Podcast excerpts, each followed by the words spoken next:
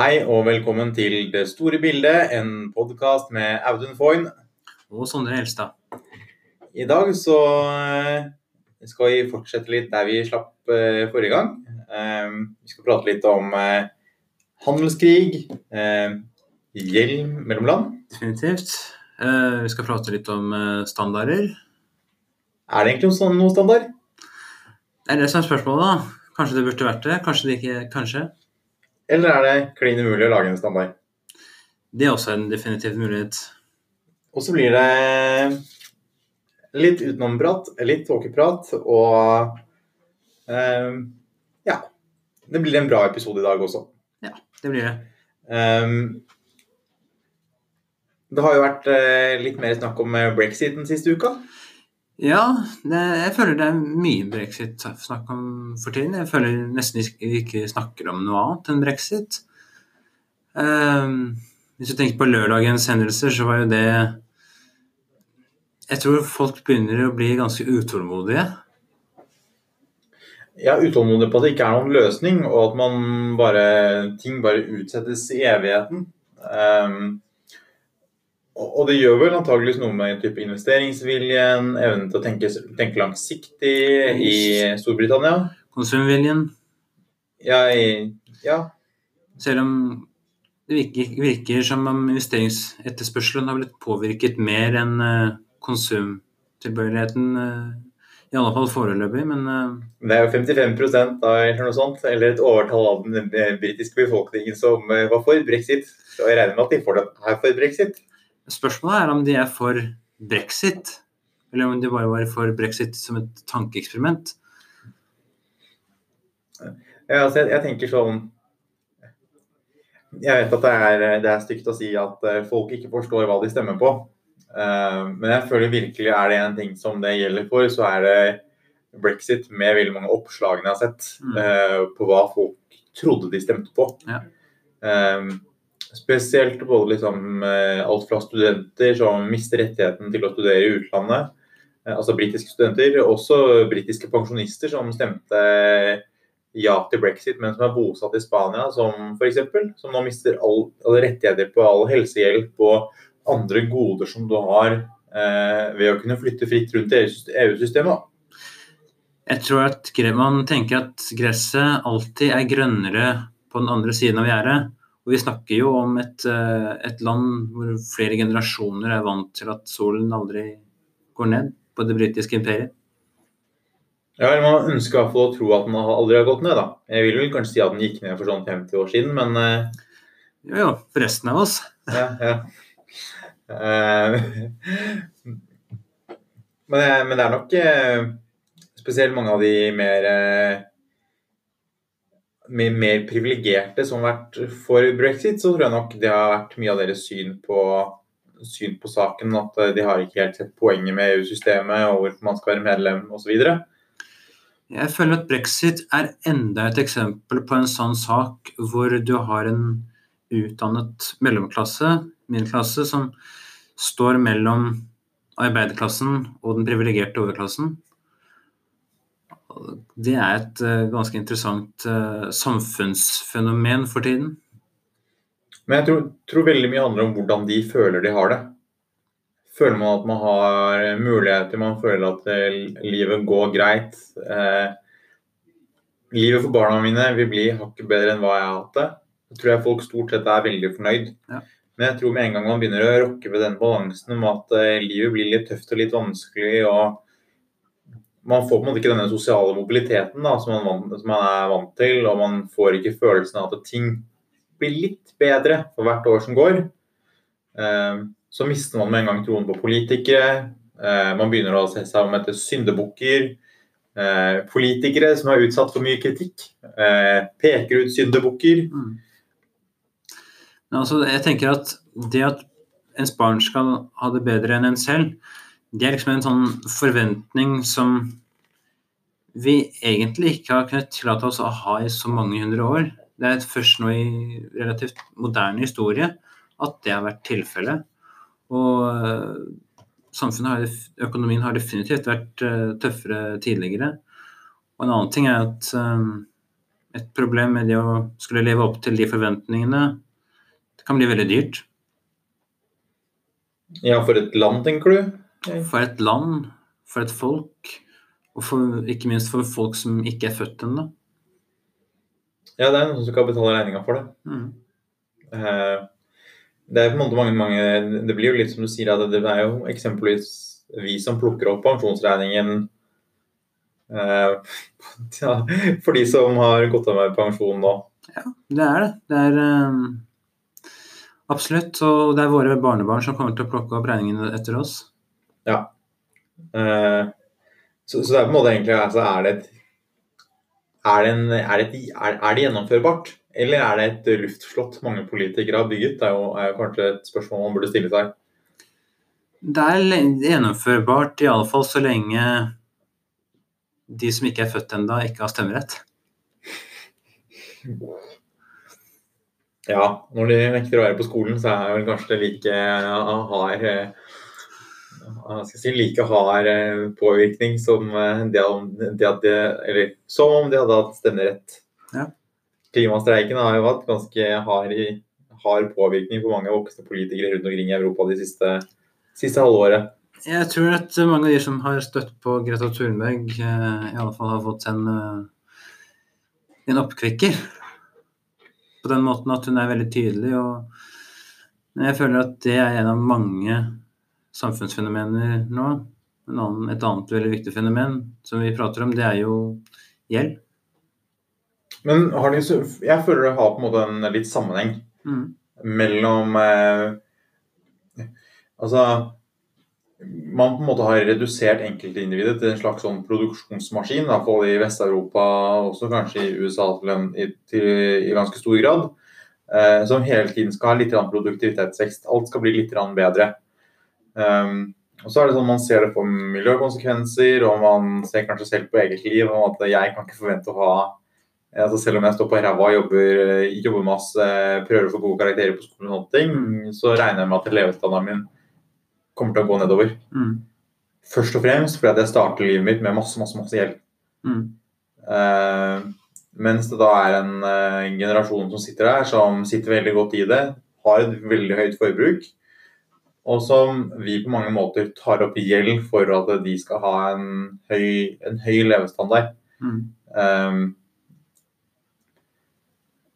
jeg jeg kan forstå på en måte om at det er litt sånn Hvorfor møte opp på skolen når du syns fremtidsutsiktene dine generelt ser, ser litt håpløse ut, da? Jeg hadde en eh, diskusjon om dette med, med min far, som eh, er 50 år eldre enn meg, eh, nå i helgen. Og eh, vi kommer fram til at det ikke akkurat er noe nytt at de som blir født i dag, og som vokser opp i dag, tenker at fremtidsutsiktene er ganske dystre. På 60-tallet så hadde man atomkrigtrusselen. I dag så har vi miljøtrusselen. Samtidig så skal vi klare å løse de problemene, så er det veldig viktig at vi er optimistiske, og at vi tror på at vi kan klare å bruke økonomisk politikk, internasjonalt samarbeid og kunnskap og kompetanse til å løse de utfordringene som vi står ovenfor. Men jeg tror, jeg tror nok det er det som gjør at folk føler at de er i en litt håpløs situasjon. Fordi mange er villige til å gjøre ganske mye selv og på en måte omstille eget liv og, og gjøre mange grep for at man skal eh, drive verden i den utviklingen man, man krever, men så har man politikerne på sin side som ikke tør å ta de tøffe prioriteringene Mm. når det gjelder pensjon, når det gjelder eh, en eh, sosial boligpolitikk, for at man ikke skal være gjeldsslave fordi at man Mm. trenger et sted å bo, Mm. eh, eller når det gjelder eh, klimautfordringene. Mm. Man skyver på en måte bare problemene foran seg uten å ta noe ansvar for det som skjer. Jeg vil jo si at det er det som har skjedd i England også, at det er mange politikere som i mange år har sittet og sett på at det er en stadig større del av befolkningen som faller utenfor, og som får redusert livskvalitet. Um, og så har det gått så langt at man må finne seg noen syndebukker, og syndebukken har blitt EU. Ja. Eh, Storbritannias syndebukk det er definitivt eh, EU. Det er det ingen tvil om.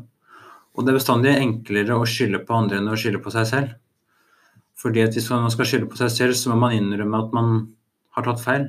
Man må innrømme at man ikke har gjort en tilstrekkelig god jobb. Og ja, det er tilfelle for britiske politikere, men jeg føler at det er vel så mye tilfelle for norske politikere. Eh, fordi at vi i Norge står også ovenfor spørsmål når det gjelder ressursforvaltning, spørsmål når det gjelder eh, gjeldsoppbygging, spørsmål når det gjelder boligpriser, og spørsmål når det gjelder økonomisk politikk, både finanspolitikk og pengepolitikk. Og grunnen til at man ikke kanskje evner å ta inn, altså over seg disse utfordringene, er vel en grunn til at flere stemmer eh, Rødt og partier som er eh, langt til altså langt ut på bredden av Mm. altså både enten høyre- eller venstresiden. da. Ja. Som er villige til å bruke ganske mye mer ekstreme virke, virkemidler for å omstille på ting. Vi har, Ja. sett, vi har, vi har sett det før. Vi er kommer til å se det igjen. Eh, Jeg føler at historien, samfunnsutviklingen, går litt sånn i bølgedaler. Du har de bråe svingningene som eh, gir ekstreme utslag i forhold til hva folk stemmer, f.eks. Som avløses av mer harmoniske perioder. Som kjennetegnes av at folk søker mot, mot midten. Spørsmålet er hvor, hva skal vi gjøre for å, å avløse den eh, brusehodeperioden som vi er inne i nå, med en mer harmonisk periode? Jeg, jeg vil vel si at et, et stort problem er eh, Altså, jeg tror du trenger en ekstern konflikt. da. Mm. Det høres nesten litt sånn dumt, å- dumt å si det. Uh, men, men hvis du ser på hva som skjedde i Norge etter andre verdenskrig, f.eks. Uh, altså stortingspresident eh, C. Odd Hambro fra Høyre Mm. altså, er med på å støtte opp om dannelsen av Gerhardsen-regjeringen. Mm. Uh, som en sånn slags politisk fellesskap. Vi Ja. skal bygge landet. Ja.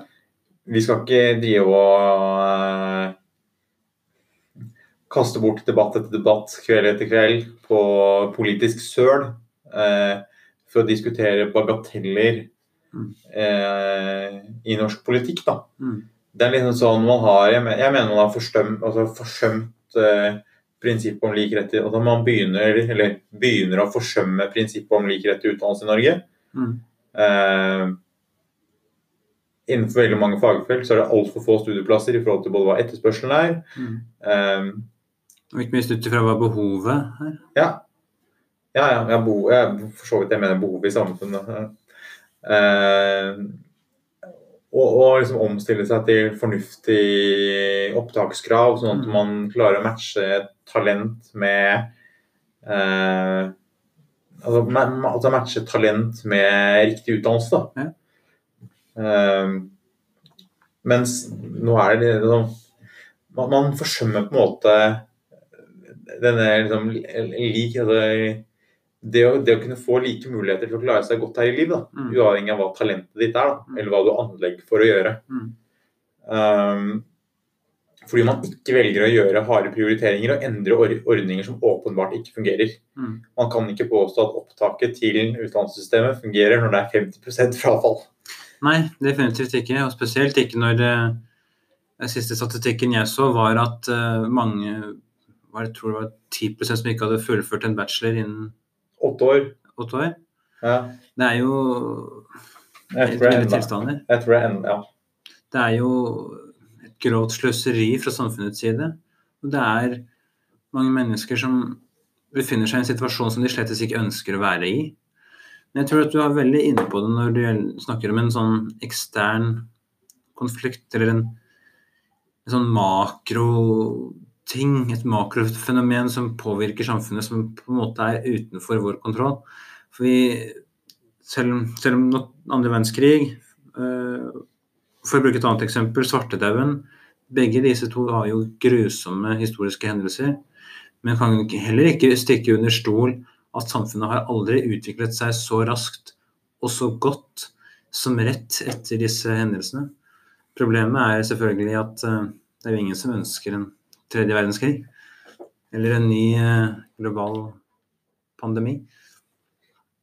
Nei, nei, men det er et paradoks. Men det er, det er liksom som man sier i, altså i konkurransepolitikk og, og økonomisk politikk også, at det er jo det er jo alltid etter finanskrisen at du har den mest bærekraftige og gode økonomiske veksten. Mm, ja visst. Eh, for det er de selskapene som har klart å overleve, som eh, får lettere tilgjengelig de ressursene de har, til nødvendighet. Så Mm. de, har, de, ja, de har lettere tilgang på de ressursene de trenger. Mm.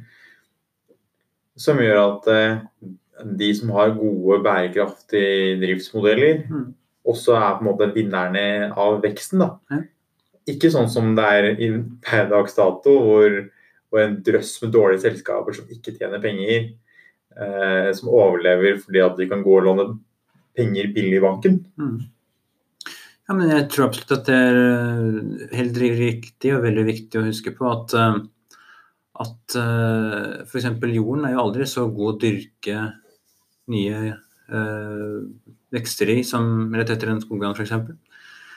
Så grusomme hendelser kan være starten på noe, på noe bra.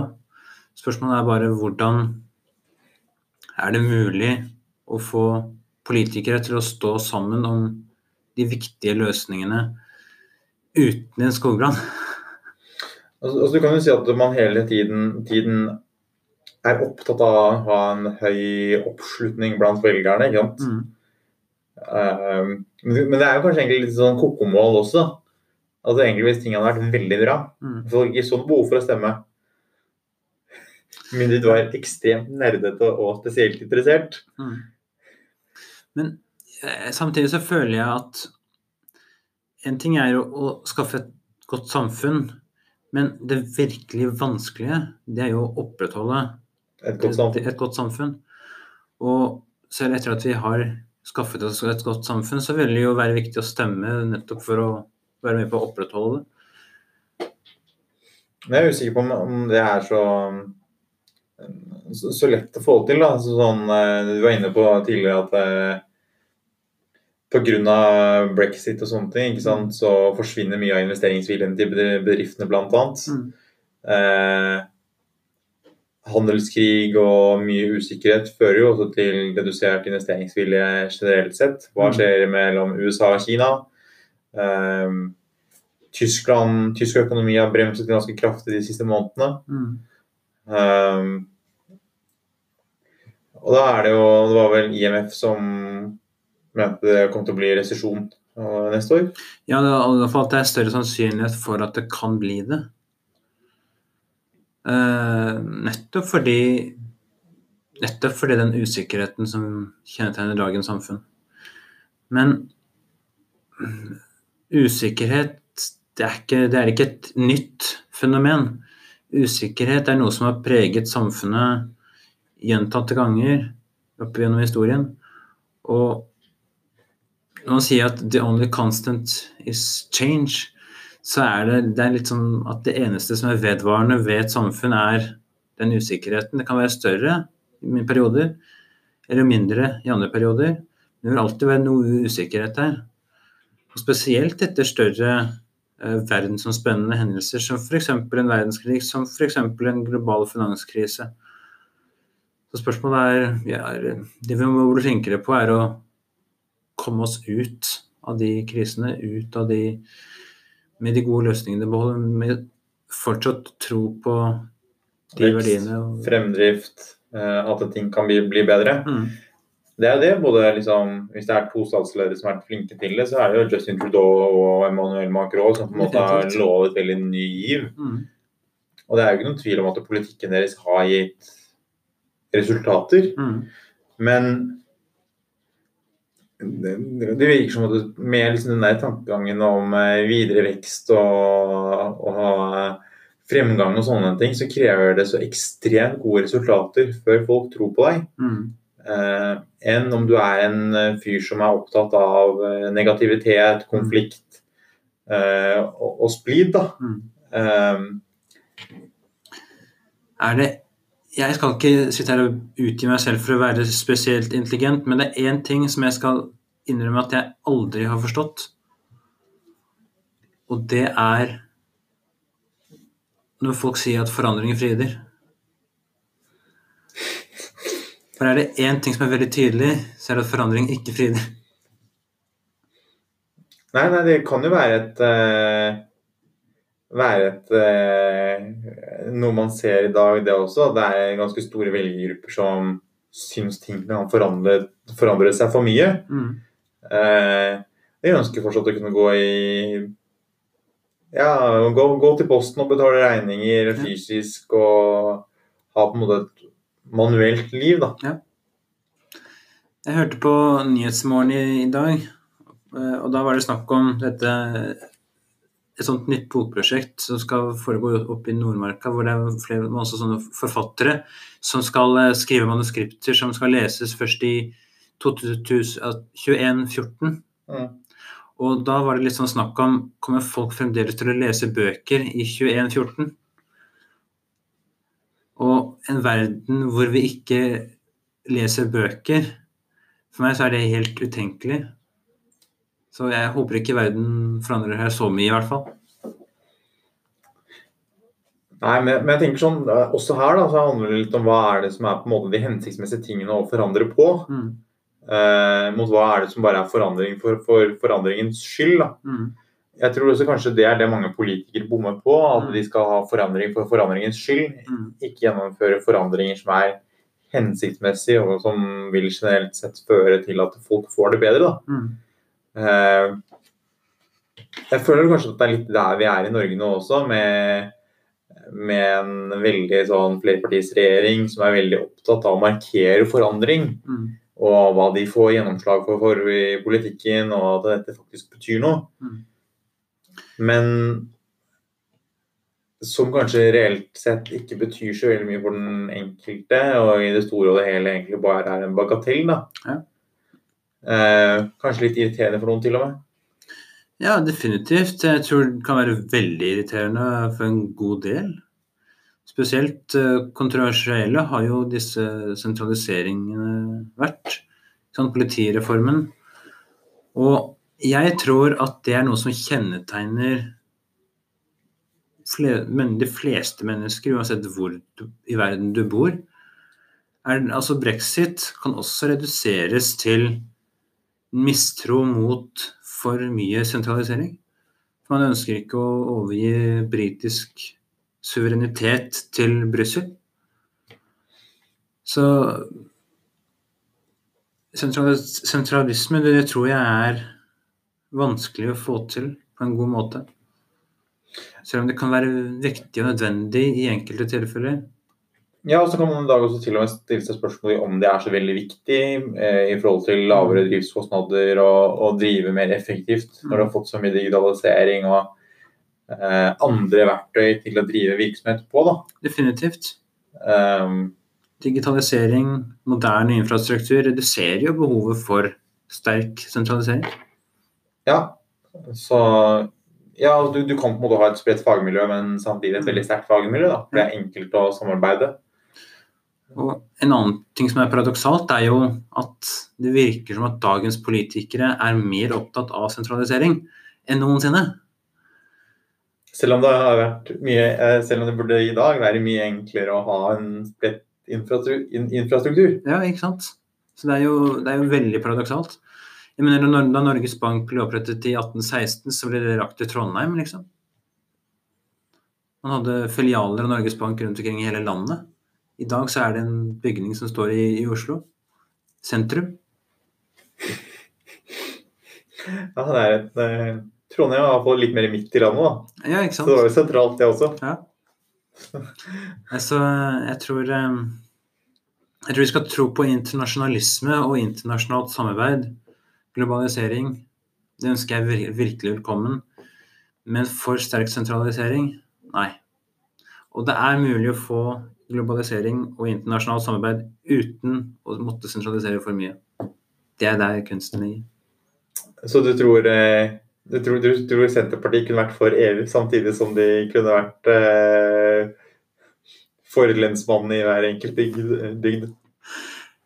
Er det én ting jeg tror, så er det at Senterpartiet aldri kommer til å støtte EU. Uansett. Nei, det kan vi kanskje være enige om. Er det én ting jeg er villig til å investere i, så er det det. Nei Uh, Ja. Uh, men Sondre, vi har pratet litt om uh, sentralisering, forhold mellom land, og hva liksom skjer når store ting i verden begynner å rokkes ved. Det har vi. Uh, og en ting som, som er litt spennende, egentlig, er liksom gjelden mellom stater. Ja, det er veldig spennende. Uh, og jeg satt og tenkte på en dag at uh, fy faen, jeg burde kanskje ikke banne i podkasten, men det, det er det ingen som hører. Eh, situasjonen mellom USA og Kina er jo ganske lik egentlig hvordan situasjonen var mellom eh, Frankrike og Tyskland etter eh, første verdenskrig. Hvor eh, tyskerne hadde veldig mye gjeld til Frankrike og begynte å manipulere, eh, manipulere valutaen sin for å klare å tilbakebetale gjelden. Litt det samme som amerikanerne gjør for å prøve å holde gjelden i sjakk til Beijing. Altså, jeg føler at Hvis man først skal banne, så er det en veldig god ting å banne på. Takk. Eh, fordi at eh, det er eh, veldig sant. Og det er nok et eksempel på at mange av de fenomenene som vi ser rundt oss, ikke er så veldig nye, egentlig. Det er sant at konstellasjonen med alle disse forskjellige tingene som skjer samtidig, er ny. Men Tyskland og Frankrike har jo alltid hatt et veldig problematisk forhold. Egentlig helt fra 1870-tallet og fram til spesielt etter første verdenskrig. Eh, fordi Frankrike var veldig opptatt av å bli kompensert for det økonomiske, men kanskje også i større grad det menneskelige tapet som første verdenskrig innebar. Um, og til dels var jo Storbritannia også veldig opptatt av det. Og uh, USA, som hadde lånt mye penger til Tyskland og Storbritannia, var veldig også opptatt av å få sine penger igjen. Slik at uh, første verdenskrig det innebar at USA fikk en helt annen rolle i verden. Og det er kanskje den rollen som Donald Trump er veldig lei av at USA skal ha. Og eh, kanskje handelskrigen mellom Kina og USA er starten på en, på en ny æra, på en ny verdensorden. Um, ja, for det er jo, det er jo liksom sånn man har jo hatt på en måte forskjellige land har, har variert eller byttet på med å sitte på en måte med den store påvirkningen på det globale samfunnet. ikke sant? Mm. Altså, store imperier faller og bygges opp. Mm. Um, man kan jo på en måte si at uh, altså du hadde jo på, i, i, lang tid så hadde du jo på en måte det, det nederlandske imperiet Jo, nederlandske. Uh, altså Nederlenderne var veldig store. Mm. Uh, eller, eller hollenderne var det. Ja. Uh, hollandske imperiet ja. Er det riktig å si det? Ja, hvorfor ikke? Ja, ja, ja, i hvert fall det som i dag er Nederland. Det var jo en stormakt. Mm. Uh, var veldig, veldig tidlig ute med på en måte å um, få maritim makt. bygde et handelssystem. Dro rundt i verden og skaffet seg ressurser. Og krevde på en måte at vi, vi, tar dine naturressurser, omdanner de her i Nederland, og så må du kjøpe dem tilbake igjen. Ja. Og hadde mange kolonimakter rundt omkring. Så ble den posisjonen tatt over av England. ikke sant? Mm. De skaffet seg kolonier, tok ressursene tilbake til England, og så solgte de også ting tilbake til koloniene. Ja. Uh, The Boston Tea Party Mm. var et opprør på akkurat det. Det var det. Uh, amerikanerne ville kvitte seg med uh, med på en måte dette handelssystemet de hadde med, eh, med eh, Storbritannia, fordi de mente at det var grovt urettferdig. Det var litt synd med all den gode teen som gikk dukken, men uh, ellers så kan man jo sympatisere med det. Ja, altså det var jo nettopp det. ikke sant? De, eh, Nederland, eller Storbritannia tok ressurser fra USA, og så eksporterte de det tilbake igjen Mm. med, uh, med fortjeneste. Med fortjeneste. Mens amerikanerne fikk ikke lov til å gjøre det samme. Naturligvis ikke. Ja. De var jo en koloni, da, så det sier seg jo selv. Og så ser du på en måte litt sånn Amerikanerne har jo på en måte, var jo i, i lang tid altså med Marshall-hjelpen og Mm. eh, sånne ting vant til å gjøre det samme. Ja. De tok jo på en måte over Storbritannias rolle etter eh, andre verdenskrig. Ja, de gjorde det. Fordi Storbritannia i, i forkant av første verdenskrig, så var jo Storbritannia det landet som alle andre land så til for globalt lederskap. For selv om kanskje, kanskje en del andre land ikke liker å innrømme det. Men ta f.eks. Eh, gullstandarden. Før første verdenskrig så var britiske pund et veldig viktig substitutt til gull. eh, Til gull. Og mange forbandt også pund med gull. Mange sentralbanker og andre banker rundt omkring i hele verden holdt mye britiske pund. På samme måte som man holder mye dollar i dag. Ja, Som en reservevaluta. Som en reservevaluta.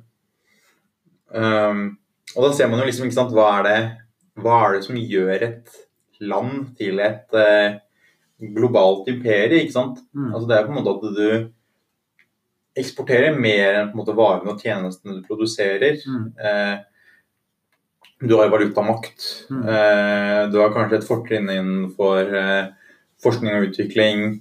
Eh, utdannelsessystemet ditt Mm. og den politiske tenkningen ligger foran. Mm. Man kan jo på en måte liksom stille seg spørsmålet er, er dette situasjonen i dagens USA? Er jo ikke det.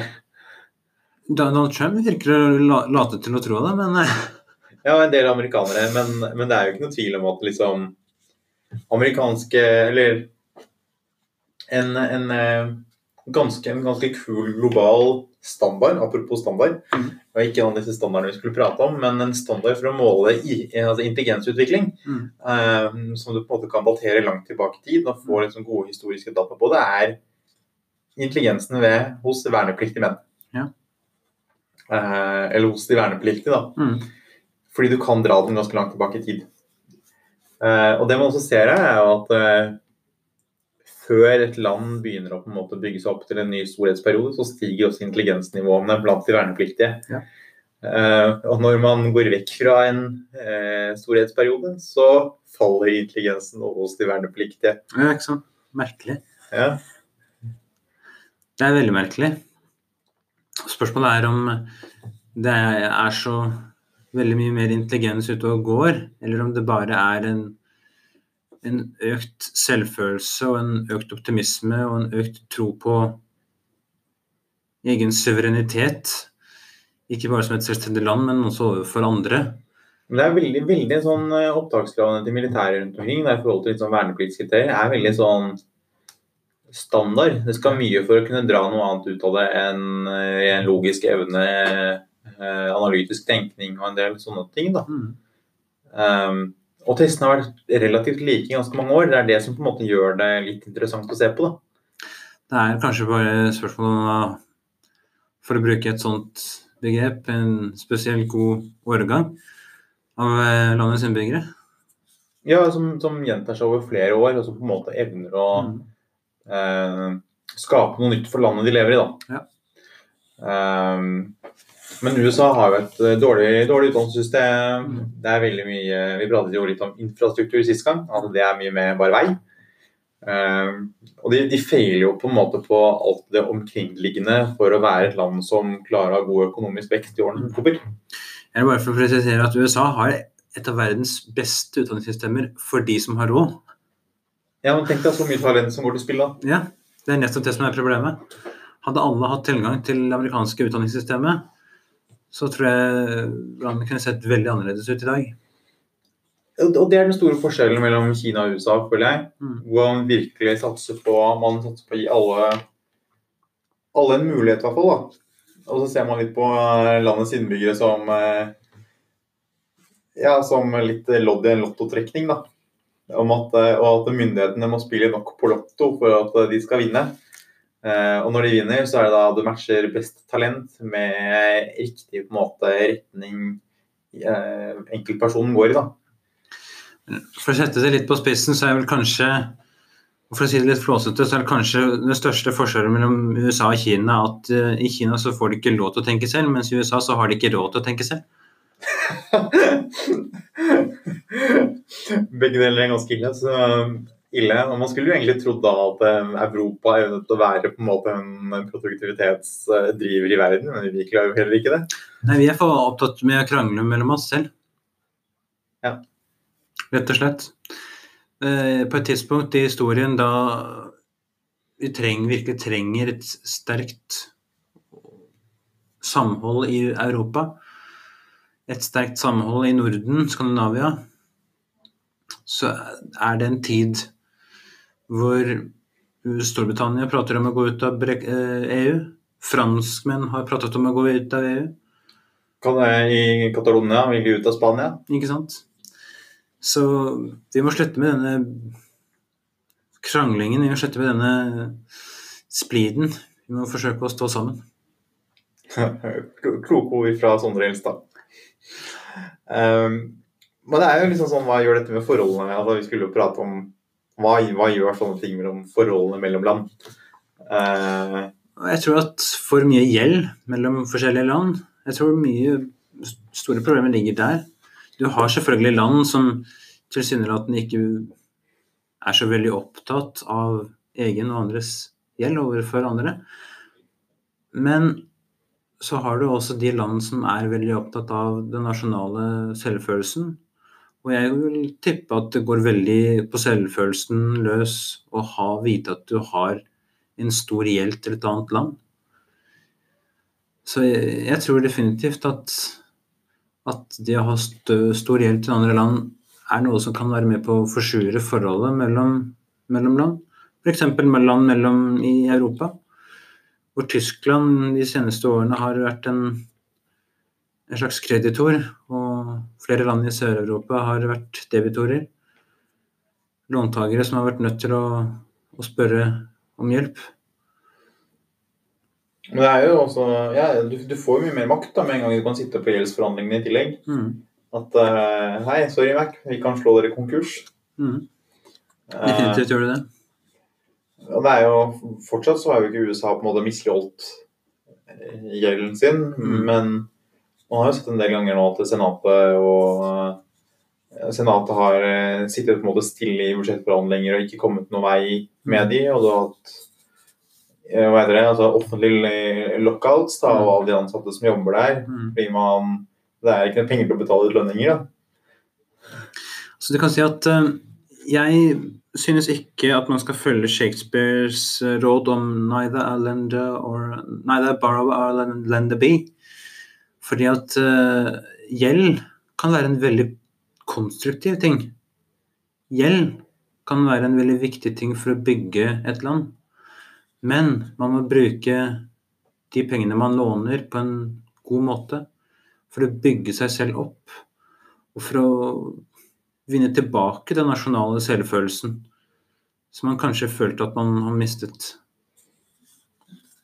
Ja, jeg, altså jeg tror nok du har altså, Jeg tror nok også det er vanskelig sånn, Jeg pratet litt om Tyskland og Frankrike etter første verdenskrig i, mm. i stad. Og det er nok litt sånn hvordan forsvarer du overfor din egen befolkning da, at store deler av det du betaler i skatt, skal gå til å betale ned gjeld til noen andre? Mm. Eh, det er på en måte en befolkning da, som ser at det er en veldig stor forskjell på hva de betaler inn, og hva de får ut av skattene de betaler. Ja. Som kan forsterke det du sier altså med nasjonalfølelse og diverse. Og jeg vil jo anta at det kanskje begynner å bli situasjonen i, i USA også, at eh, Trump er så populær som han er. Fordi at han står opp mot disse store i, uh, mot Kina, som har veldig mye av USA selv, f.eks. Mm. Og du kan si at uh, det er jo noe som definitivt var tilfellet mellom Tyskland og Frankrike, men det var vel så mye tilfelle mellom Frankrike og USA på den tiden. For det var mange rike amerikanere som kjøpte seg flotte villaer i- på den franske rivieraen f.eks. I en tid da franskmenn virkelig slet. Litt det samme som du ser med kinesiske eiendomsinvesteringer i Mm. både Kina og andre steder i Europa. Ja. Mens det har gått trått i mange altså har gått trått i europeisk og amerikansk økonomi. Mm. London f.eks. er det jo veldig mye kinesiske investorer som har store leiligheter og Mm. eiendommer. Samme i New York. Mm. Og det er nok et eksempel på at historien gjentar seg selv. Og hva skal jeg si Ja, man skal lære av historien for ikke å gjenta dens feilgrep. Men da må man jo lære, da. Det er kanskje det som er litt av problemet. Man lever for kort til å lære. Sant? Ellers blir man dement før man kan bruke det man har lært til nå. Sant?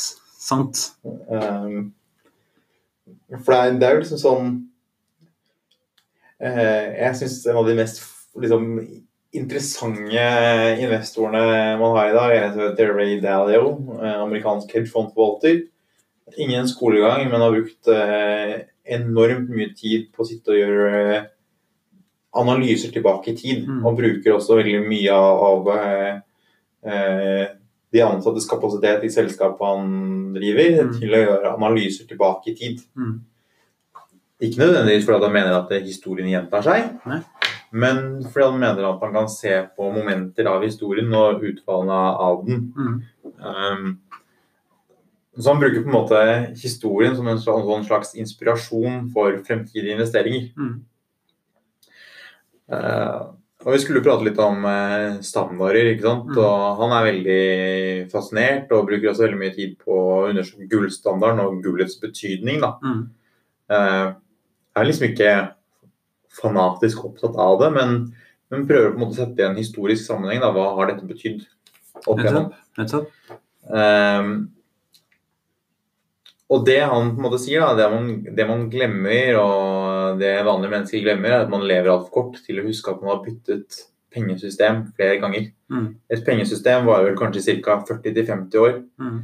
Men det er så, så stort Og det er stort sett så lenge et menneske har en voksen, altså et voksent liv hvor det er relevant å huske på disse tingene. Ja. Eh, det er arbeids- og yrkeskarrieren din hvor dette er relevant. Før, du, før det, når eh, mamma og pappa betaler for deg, betyr det ingenting. Når det er staten som betaler pensjonen din, betyr det heller ingenting. Mm. Når du jobber, så betyr det mye, og du har gjeld, og du har på en måte en privat økonomi som skal gå i hop i mye, mye større grad. Mm. Da betyr det mye for deg. Ja, men det tror jeg definitivt at det gjør. Og når vi først er inne på det punktet, så syns jeg det er veldig trist hvis man skal liksom følge, forsøke å følge en filosofi om at man skal lære så lenge man er i arbeidslivet. Og Man er så kort i arbeidslivet. Ikke sant? For at folk lever lenger. Og da må vi også kunne forvente at folk lærer mer. Men det er en helt annen diskusjon som vi Ja, det er en helt annen diskusjon, men det er på en måte det der med at uh, I en tid, altså alt er i forandring hele Mm. tiden. Eh, også det måte hvilket pengesystem du har. da. mm. Eh, Bretton Woods er vel kom rett etter Ja, det kom vel eh, Jeg mener det kom eh, i 1944-45, jeg er ikke helt sikker, men det kom i hvert fall på 40-tallet. Hvor de innførte dollar med en backing av eh, gull. Mm. Så én dollar har vært så mye gull i den amerikanske sentralbanken, og Mm. alle brukte det som en reservevaluta. Mm. Som veldig mange også bandt opp og så hadde et fast kurssystem mot. Ja. Og det er jo det som, det som viste seg, som har vist seg med gullstandarden generelt, er at det fungerer så lenge det fungerer. Det fungerer helt til det ikke fungerer lenger. Fordi det skjedde med gullstandarden, og det skjedde med, med Altså, ja, med gullstandarden og med Bretton Woods. Og hele det fastkursregimet. Norge hadde jo også eh, fastkurs eh, tidligere. Det har vi gått bort ifra fordi vi har andre behov. Um, Men tror du ikke at når vi prater om gjeld, og spesielt mye statsgjeld mellom store land og, Mm. og sånne ting også, tror du ikke at det sammenhenger med at en, en standard ikke fungerer, er fordi at man kanskje litt ubevisst begynner å gå bort fra standarden. Mm. Eh, tilbake til dette med at eh, man under eh, Altså i Tyskland eh, stadig begynte å manipulere seg vekk fra riksmark mot gull. Mm. Altså man, man manipulerte tallene uten at det egentlig var noe som var klar over en ganske lang periode. Mm. Det gjorde man.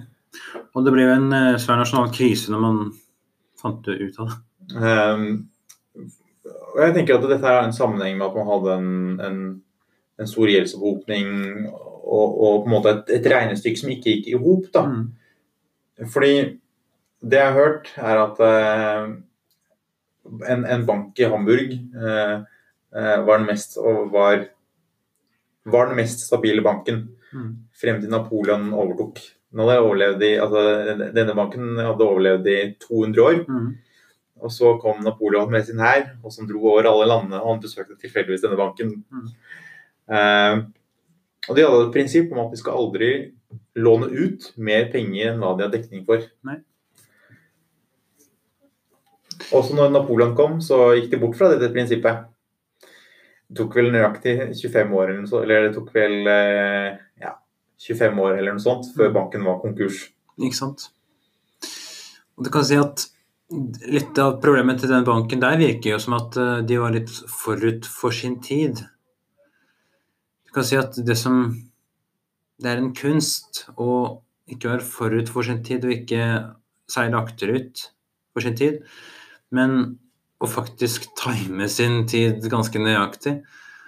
Og problemet med f.eks. gullstandarden, da, det er jo at eh, ja, du gjør en god del ting mer forutsigbart. Valutakursen mellom forskjellige, ja, mellom forskjellige valutaer, euro, dollar, pund osv. blir mer forutsigbar. Problemet oppsto den dagen da forskjellige land har forskjellige behov. Et veldig godt eksempel på det er jo Tyskland etter Berlinmurens fall. Hvor eh, man hadde et slikt eh, Altså, britiske pund var på en måte pegget mot tyske mark.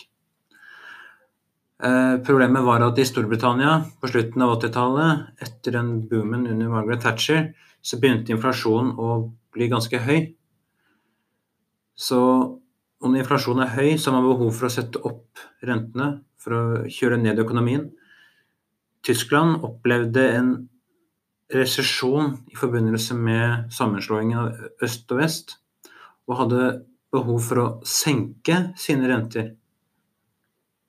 Problemet med et fastkursregime er, hvis det skal være troverdig, at man kan ikke bevege rentene opp i ett land og ned i et annet land.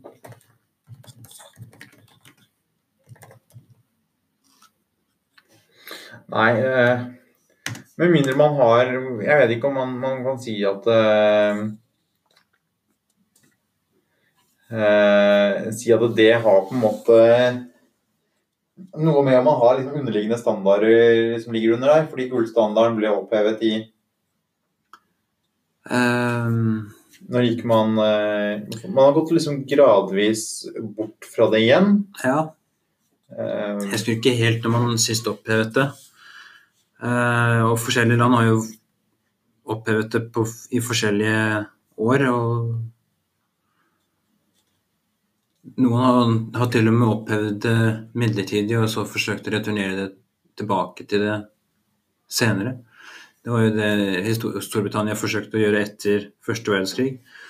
Fordi eh, under første verdenskrig så økte jo prisene i Storbritannia ganske kraftig. Men eh, det innebar jo at sammenhengen mellom man beholdt den internasjonale gullstandarden frem til 15.8.1971. 1971. Så dette var etter man hadde opphevet gullstandarden igjen. Ja. Så man har på en måte skrudd litt sånn gullstandarden av og på. Man har gjort det. Man har gjort det. Uh... Og det var jo altså en stor debatt, og det er jo en av Winston Churchills mange problemer. Nettopp det at magefølelsen hans tilsa la oss gå bort ifra gullstandarden etter første verdenskrig. Problemet var at på den tiden så hadde han ikke selvfølelse nok til å stå inne for det. Så eh, de endte med å forsøke å komme tilbake til den. Og det var, på, det var til tross for John Maynard Keynes iherdige forsøk på å forhindre det.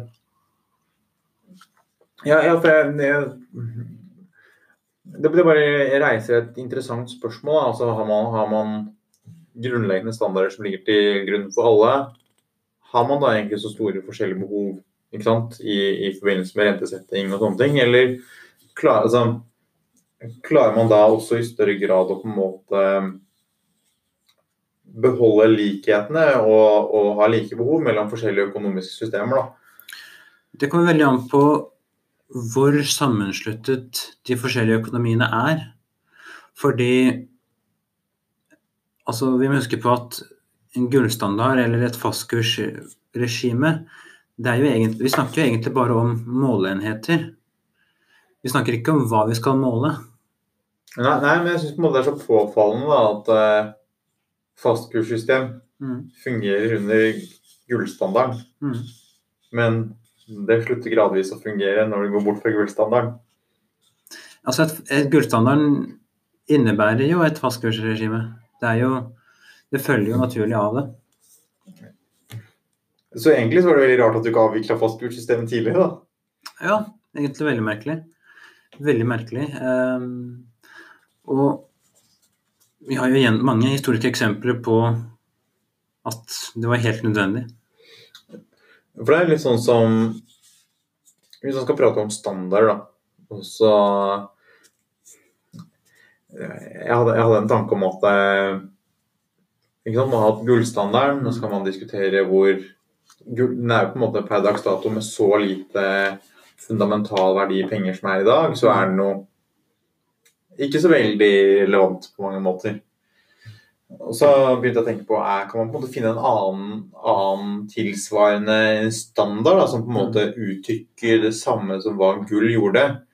Hvor du kan på en måte regne om innsatsfaktorer du, du trenger for produksjon eh, og velferdsøkning i et land, om til på en måte en generell råvare som alle har kjennskap til og kan regne på, og som det er begrenset tilførsel av. Mm. Så tenkte jeg sånn Hva er det alle regner eh, produksjonskostnad på en måte, eller, eller har behov for om du skal drive vare- og tjenesteproduksjon i dag? da? Mm. Det er jo energi. Mm. Hva regner vi energipriser stort sett i? Jo, det er fat olje. Ja. Um, og så ser man jo på en måte bare i Norge, da, som er en liten åpen økonomi, selv om vi produserer olje, hvor store svingninger eh, det får på valutakursen vår når eh, oljeprisene stiger eller synker, da. Mm. Um, Altså det, Et av de største problemene jeg personlig har med gullstandard, i hvert fall å begynne i den kanten og så gå videre, så er det at gull for meg virker veldig arbitrært. Og sånn sett så syns jeg at en energistandard gir mye mer mening, nettopp fordi energi er så utrolig mye mer knyttet opp til produksjonen i et land. Eh, oljeprisen svinger veldig mye med produksjonen i et land. Problemet med olje eh, Problemet med en eventuell oljestandard er jo at vi etter hvert kommer til å bevege oss mer og mer vekk ifra oljen. Så vi kan kanskje snakke om at vi har hatt en gullstandard uh, de senere årene. Og at jeg har, men kanskje ikke varer så veldig mye lenger, enn at det har hatt en oljestandard som på en måte kanskje har ja, vært fundamentalverdien i penger, da. Jeg vet ikke om du kan si det sånn. Jeg vil absolutt si det sånn. Men det, jeg syns det kan være verdt å, å diskutere standarder. Og f.eks. så kan man jo diskutere begrepet total faktorproduktivitet, som er en, et enda mye større mål på produktiviteten i et land. Og f.eks. knytte et lands kredittpolitikk opp imot den totale faktorproduktiviteten over sikt, f.eks. Problemet med en standard er at det, det ligger store føringer på, på um, Hvilke tilpasninger du kan gjøre. hvilke tilpasninger du kan gjøre, og ikke minst et lands kredittpolitikk. Og jeg føler at vi skal være veldig forsiktige før vi gir opp det virkemidlet helt. Jeg er enig i at gjeldsoppbyggingen, den nasjonale gjeldsoppbyggingen rundt omkring, og kanskje den private Vi må bare fortsette. Skal vi se uh... Vi hadde et lite teknisk avbrudd, men nå fortsetter vi. Ja. Jeg, vil fortsette på min eh, lille rant om uh, total faktorproduktivitet og uh, standarder. Jo, vi skal være veldig forsiktige før vi gir avkall på et så viktig pengepolitisk tiltak som det kredittpolitikk tross alt er. Ja, og det er et veldig effektivt virkemiddel, for all del. Men det er bare det at når det på en måte spinner litt ut av eh, kontroll, da, Mm. og man begynner å dele ut penger gratis Altså, jeg sier gratis fordi når du har lavere renter enn hva du har eh, inflasjon, Mm. så er det gratispenger. Mm. Eh, og det er jo liksom derfor du har fått en voldsom gjeldsoppbygging i den norske befolkningen og sånne ting også. Mm. Og det er, liksom ikke, det er jo ikke noe problem så lenge situasjonen er som den er i dag, da. Nei da, så, så lenge man har kontroll på det. Ja, og folk klarer å betale rentene sine, avdragene på lånene sine og sånne ting. Så er liksom ikke Så lenge ting går sin gang, da, Mm. så er jo ikke det et problem i seg selv, men det er bare det at det innebærer en mye mye større risiko å sitte på disse lånene Mm. for en enkelt person når du skal sitte og nedbetale i 40 år istedenfor i 25. Ja, for det er rart med det. Ting har en tendens til å fungere helt til de slutter å fungere. Ja. Og eh, sånn er det med gjeld også. Um, gjelden er bærekraftig så lenge den er bærekraftig, og den dagen da folk begynner å få problemer med å betale, så da, da, da må vi være obs.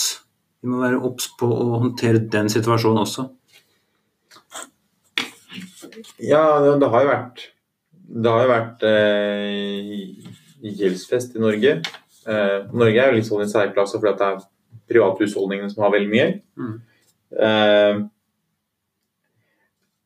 og det er liksom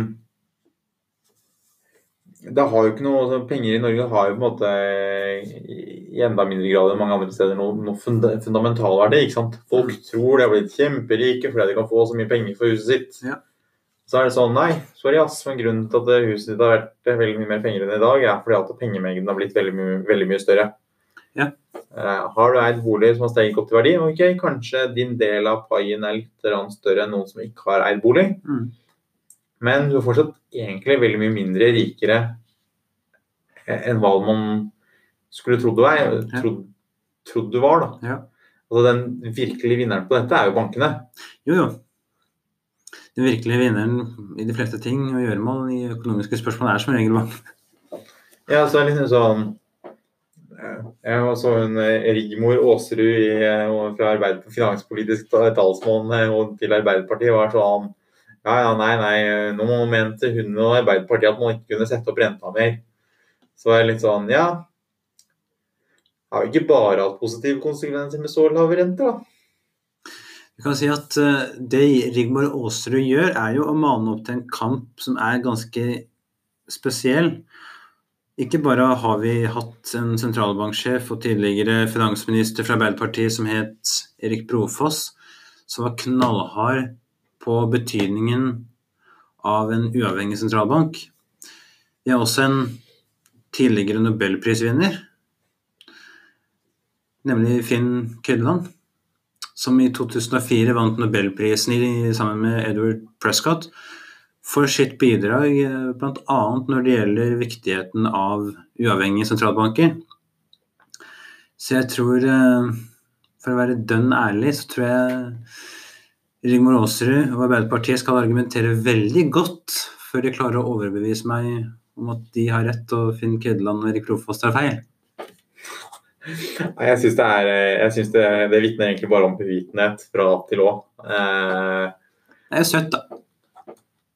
Nei, det er, jeg har ikke søtt det engang. Det er det som er ille ved det. Eh, Det er, det er egentlig så greit patetisk, fordi man, man aner ikke hva man står og uttaler seg om. Eh, Men altså, jeg føler ikke at det er første gang norske politikere ikke har visst helt hva de har uttalt seg om. Fordi at um, det skjer støtt og stadig. det skjer støtt og stadig. Og et godt eksempel på det er jo da vi senket inflasjonsmålet fra 2,5 til 2% hvor det gikk nesten to måneder før det var noen politikere som reagerte på det overhodet. Ja, altså, altså, jeg mener jo man burde beholdt inflasjonsmålet på 2,5% med tanke på at det er veldig mye gjeld i befolkningen. Ja. Eh, og at litt inflasjon er en fin måte å få vaska ut gjelda på. Det er det. Det er det. Samtidig som innfasingen av oljepenger kommer til å være mindre, og, og eh, viktigheten av å slutte opp om norsk økonomis internasjonale konkurransekraft. Mm. Så jeg er tilhenger av 2% men eh, det er også en morsom diskusjon. Ja, ja, ja. ja det, det er liksom sånn Du liker jo å si at alt er i forandring, Sondre. Ja, Så jeg, jeg er liksom sånn, du må, må kanskje se det faktisk litt an etter hvilken situasjon man er i. mm. Kan man, skulle man i det hele tatt diskutert om man skulle hatt et inflasjonsmål? Eller skulle man latt sentralbanken sette dette på litt sånn litt lengre sikt? da, At man også, samtidig som det er rentebane også hadde på en måte inflasjonsbane på hva man så for seg som hensiktsmessig i årene framover? Du kan si at uh, jeg syns det er viktig at man av og til stopper opp og gjør litt sånn regnskap over tingenes tilstand.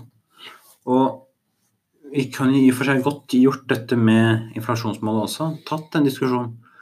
Men da mener jeg at det faktisk er viktig å ta den diskusjonen og bli ferdig med den, og så opprettholde et regime på lang sikt. Fordi eh, vi ser fremdeles tegn til at folk har inflasjonsforventninger som overstiger 2% Så det å gå fra ett inflasjonsmål til et annet, det tar tid. Ganske interessant. Mm. Det er det. Det er det. Uh, ja, det er, Nei, det er, er argumenter, jeg, jeg, mener, jeg mener det er argumenter for og mot dette med inflasjon. Jeg, Men et, et annet punkt hvor jeg syns absolutt at vi kan ta og gjøre regnskap oftere, det er hvor høy handlingsregelen skal settes. den burde vært, eh, hatt noen justeringsfaktorer. da. Ja. Den syns jeg faktisk kunne vært justert, kanskje ikke hvert år, men i alle fall hver stortingsperiode. Man burde jo hatt en valu- valutajustering. da. Det burde man også hatt. Man burde, man burde vekte den, etter eh, andel investert i de forskjellige landene og vekslings... altså, Eller andel i, altså andelen investert i forskjellige land i Mm. valuta, og så burde du korrigert for valutaendringer. Og hvis vi er veldig konservative av oss, så kan vi også korrigere den for befolk forventet befolkningsvekst. Klart vi må det. Det skal være sånn steininnantenkt. Ja. Ville ikke blitt mye penger å bruke i år, da. Nei, da Da tror jeg Jensen må belage seg på betraktelig større budsjettkutt. Ja. Eh, jeg har en ting til. eh, Jeg må bare få lov til å fortsette dette med, med standarder, som vi pratet litt om. ikke sant? Er Vi må opprettholde standarden. Ja. Um, men det er bare sånn, ikke sant? Hva blir den neste standard da, når det kommer til valuta, f.eks.? Vil man, vil, vil man ha noen standard, eller tror du fortsatt på litt sånn fiat eh, currency? Altså, fiat currency er penger uten noen fundamental verdi. Jeg tror Jeg er nok i alle fall foreløpig tilhenger av litt fiat money. Men øh, hvem vet, i den verden vi lever i Plutselig en dag så oppstår et prekært behov for en øh, mer forutsigbar politikk. Og det er ingen Det er definitivt ikke noe å lure på at øh, pengepolitikk over hele verden egentlig sliter for tiden. Ja, det, og så, sånn, du snakker om usikkerhet og, og risiko og sånne ting som er knyttet til valutasvingninger, Mm. så jeg leste her om dagen så hva er det hva er betydningen for Norwegian? da? Mm. så er liksom hvor sårbare de er for valutas... Altså, hvor, hvor sårbare de bl.a. er for valutasvingninger. da. Ja. Eh, I tillegg til det sårbare for pris, prissvingninger på flybensin, Mm. så kommer det politisk, politisk risiko.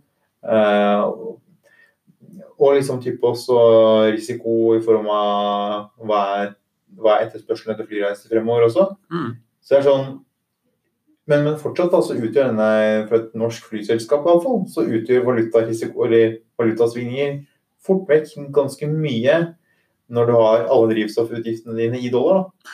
Jo, jo, absolutt. Og valutakursrisiko er noe som vi må ta på største alvor. Det har store konsekvenser også, som vi har vært inne på, for forvaltningen av oljefondet. Ja, så det er liksom sånn jeg føler i, i Norge så undervurderer man uh, dette med valutarisiko. og Jeg, jeg, jeg, er veldig usikker på hvordan dette vil slå an hos privathusholdningene. For det er jo liksom, det er jo en forsinkende effekt her. Uh, man begynner jo å se at en del biler allerede for eksempel, har blitt noe dyrere. Men de kommer jo til å bli vesentlig mye dyrere om det fortsetter som nå. Nå føler jeg at det er mye, generelt sett veldig mye risiko som vi har en tendens til å undervurdere i Norge. Men, eh, men definitivt, ja. Ja, altså Hvis du legger på prisene på alt i hele landet med 20 da, Mm. på, eller kanskje ikke 20 da, men 15 Ja. i forhold til hva det var for et år siden, ja. så tror jeg nok det er en riktig oppsummering av det. Ja, det tror jeg absolutt. Det tror jeg absolutt. Ehm, ja, det er vel kanskje ikke full 15% svingning, men uh, ganske store svingninger i alle fall. ja. Noe som gjør liksom, ja, valutasikring og sånt eh, enda viktigere. Men uh, uh, jeg tenker det, får være nok om standarder. Ja. Så blir det spennende å se. Norwegian har jo et litt sånn kryptovalutaprosjekt for å prøve å komme seg litt i bukt med disse valutasvingningene. Og kredittkortselskaper som holder tilbake penger og en del sånne ting. Jeg tror Hvis man ønsker større forutsigbarhet, så er neppe kryptovaluta veien å gå. Du kan jo knytte en eh, kryptovaluta opp mot gull, da. Kanskje, kanskje bitcoin skal bli den nye, kanskje bitcoin skal være fundamentet for den neste standard? Nei, Da blir du rik hvis du er bitcoin. i hvert fall. Ja, da Det blir eh, ja, På den annen side, kanskje det er med på å stabilisere bitcoin.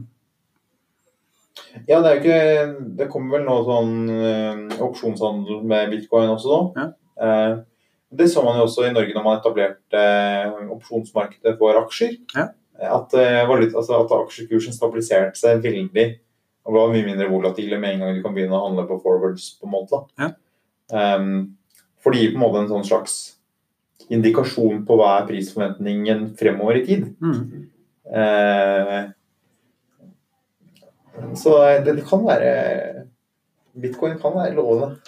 Økonomi og finans er, består av veldig mange selvoppfyllende profetier, i alle fall. Det, det, er, det er det ingen tvil om. Eh, hva har du pratet om før det? Før jeg sa at vi må bare avslutte standarder.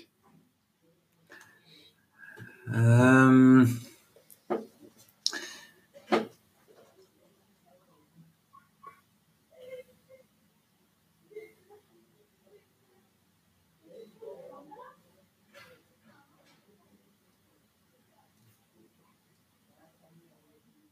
Nei, vi har vel avslutta standarder. ja, jeg tror vi jeg tror vi har behov for å avslutte standard. Ja, og vi kan vel avslutte for i dag også. Kanskje det. Ja. Kanskje ikke. Eh, vi har fått tenkt litt, tenkt litt fremover. ja, det har vi definitivt gjort. Så eh, tenker vi å si takk for i dag. Ja. Så får vi heller prøve å komme med en episode om ikke så veldig lenge. Ja, Vi husker på hva vi snakket om. Ha det. Ha det bra.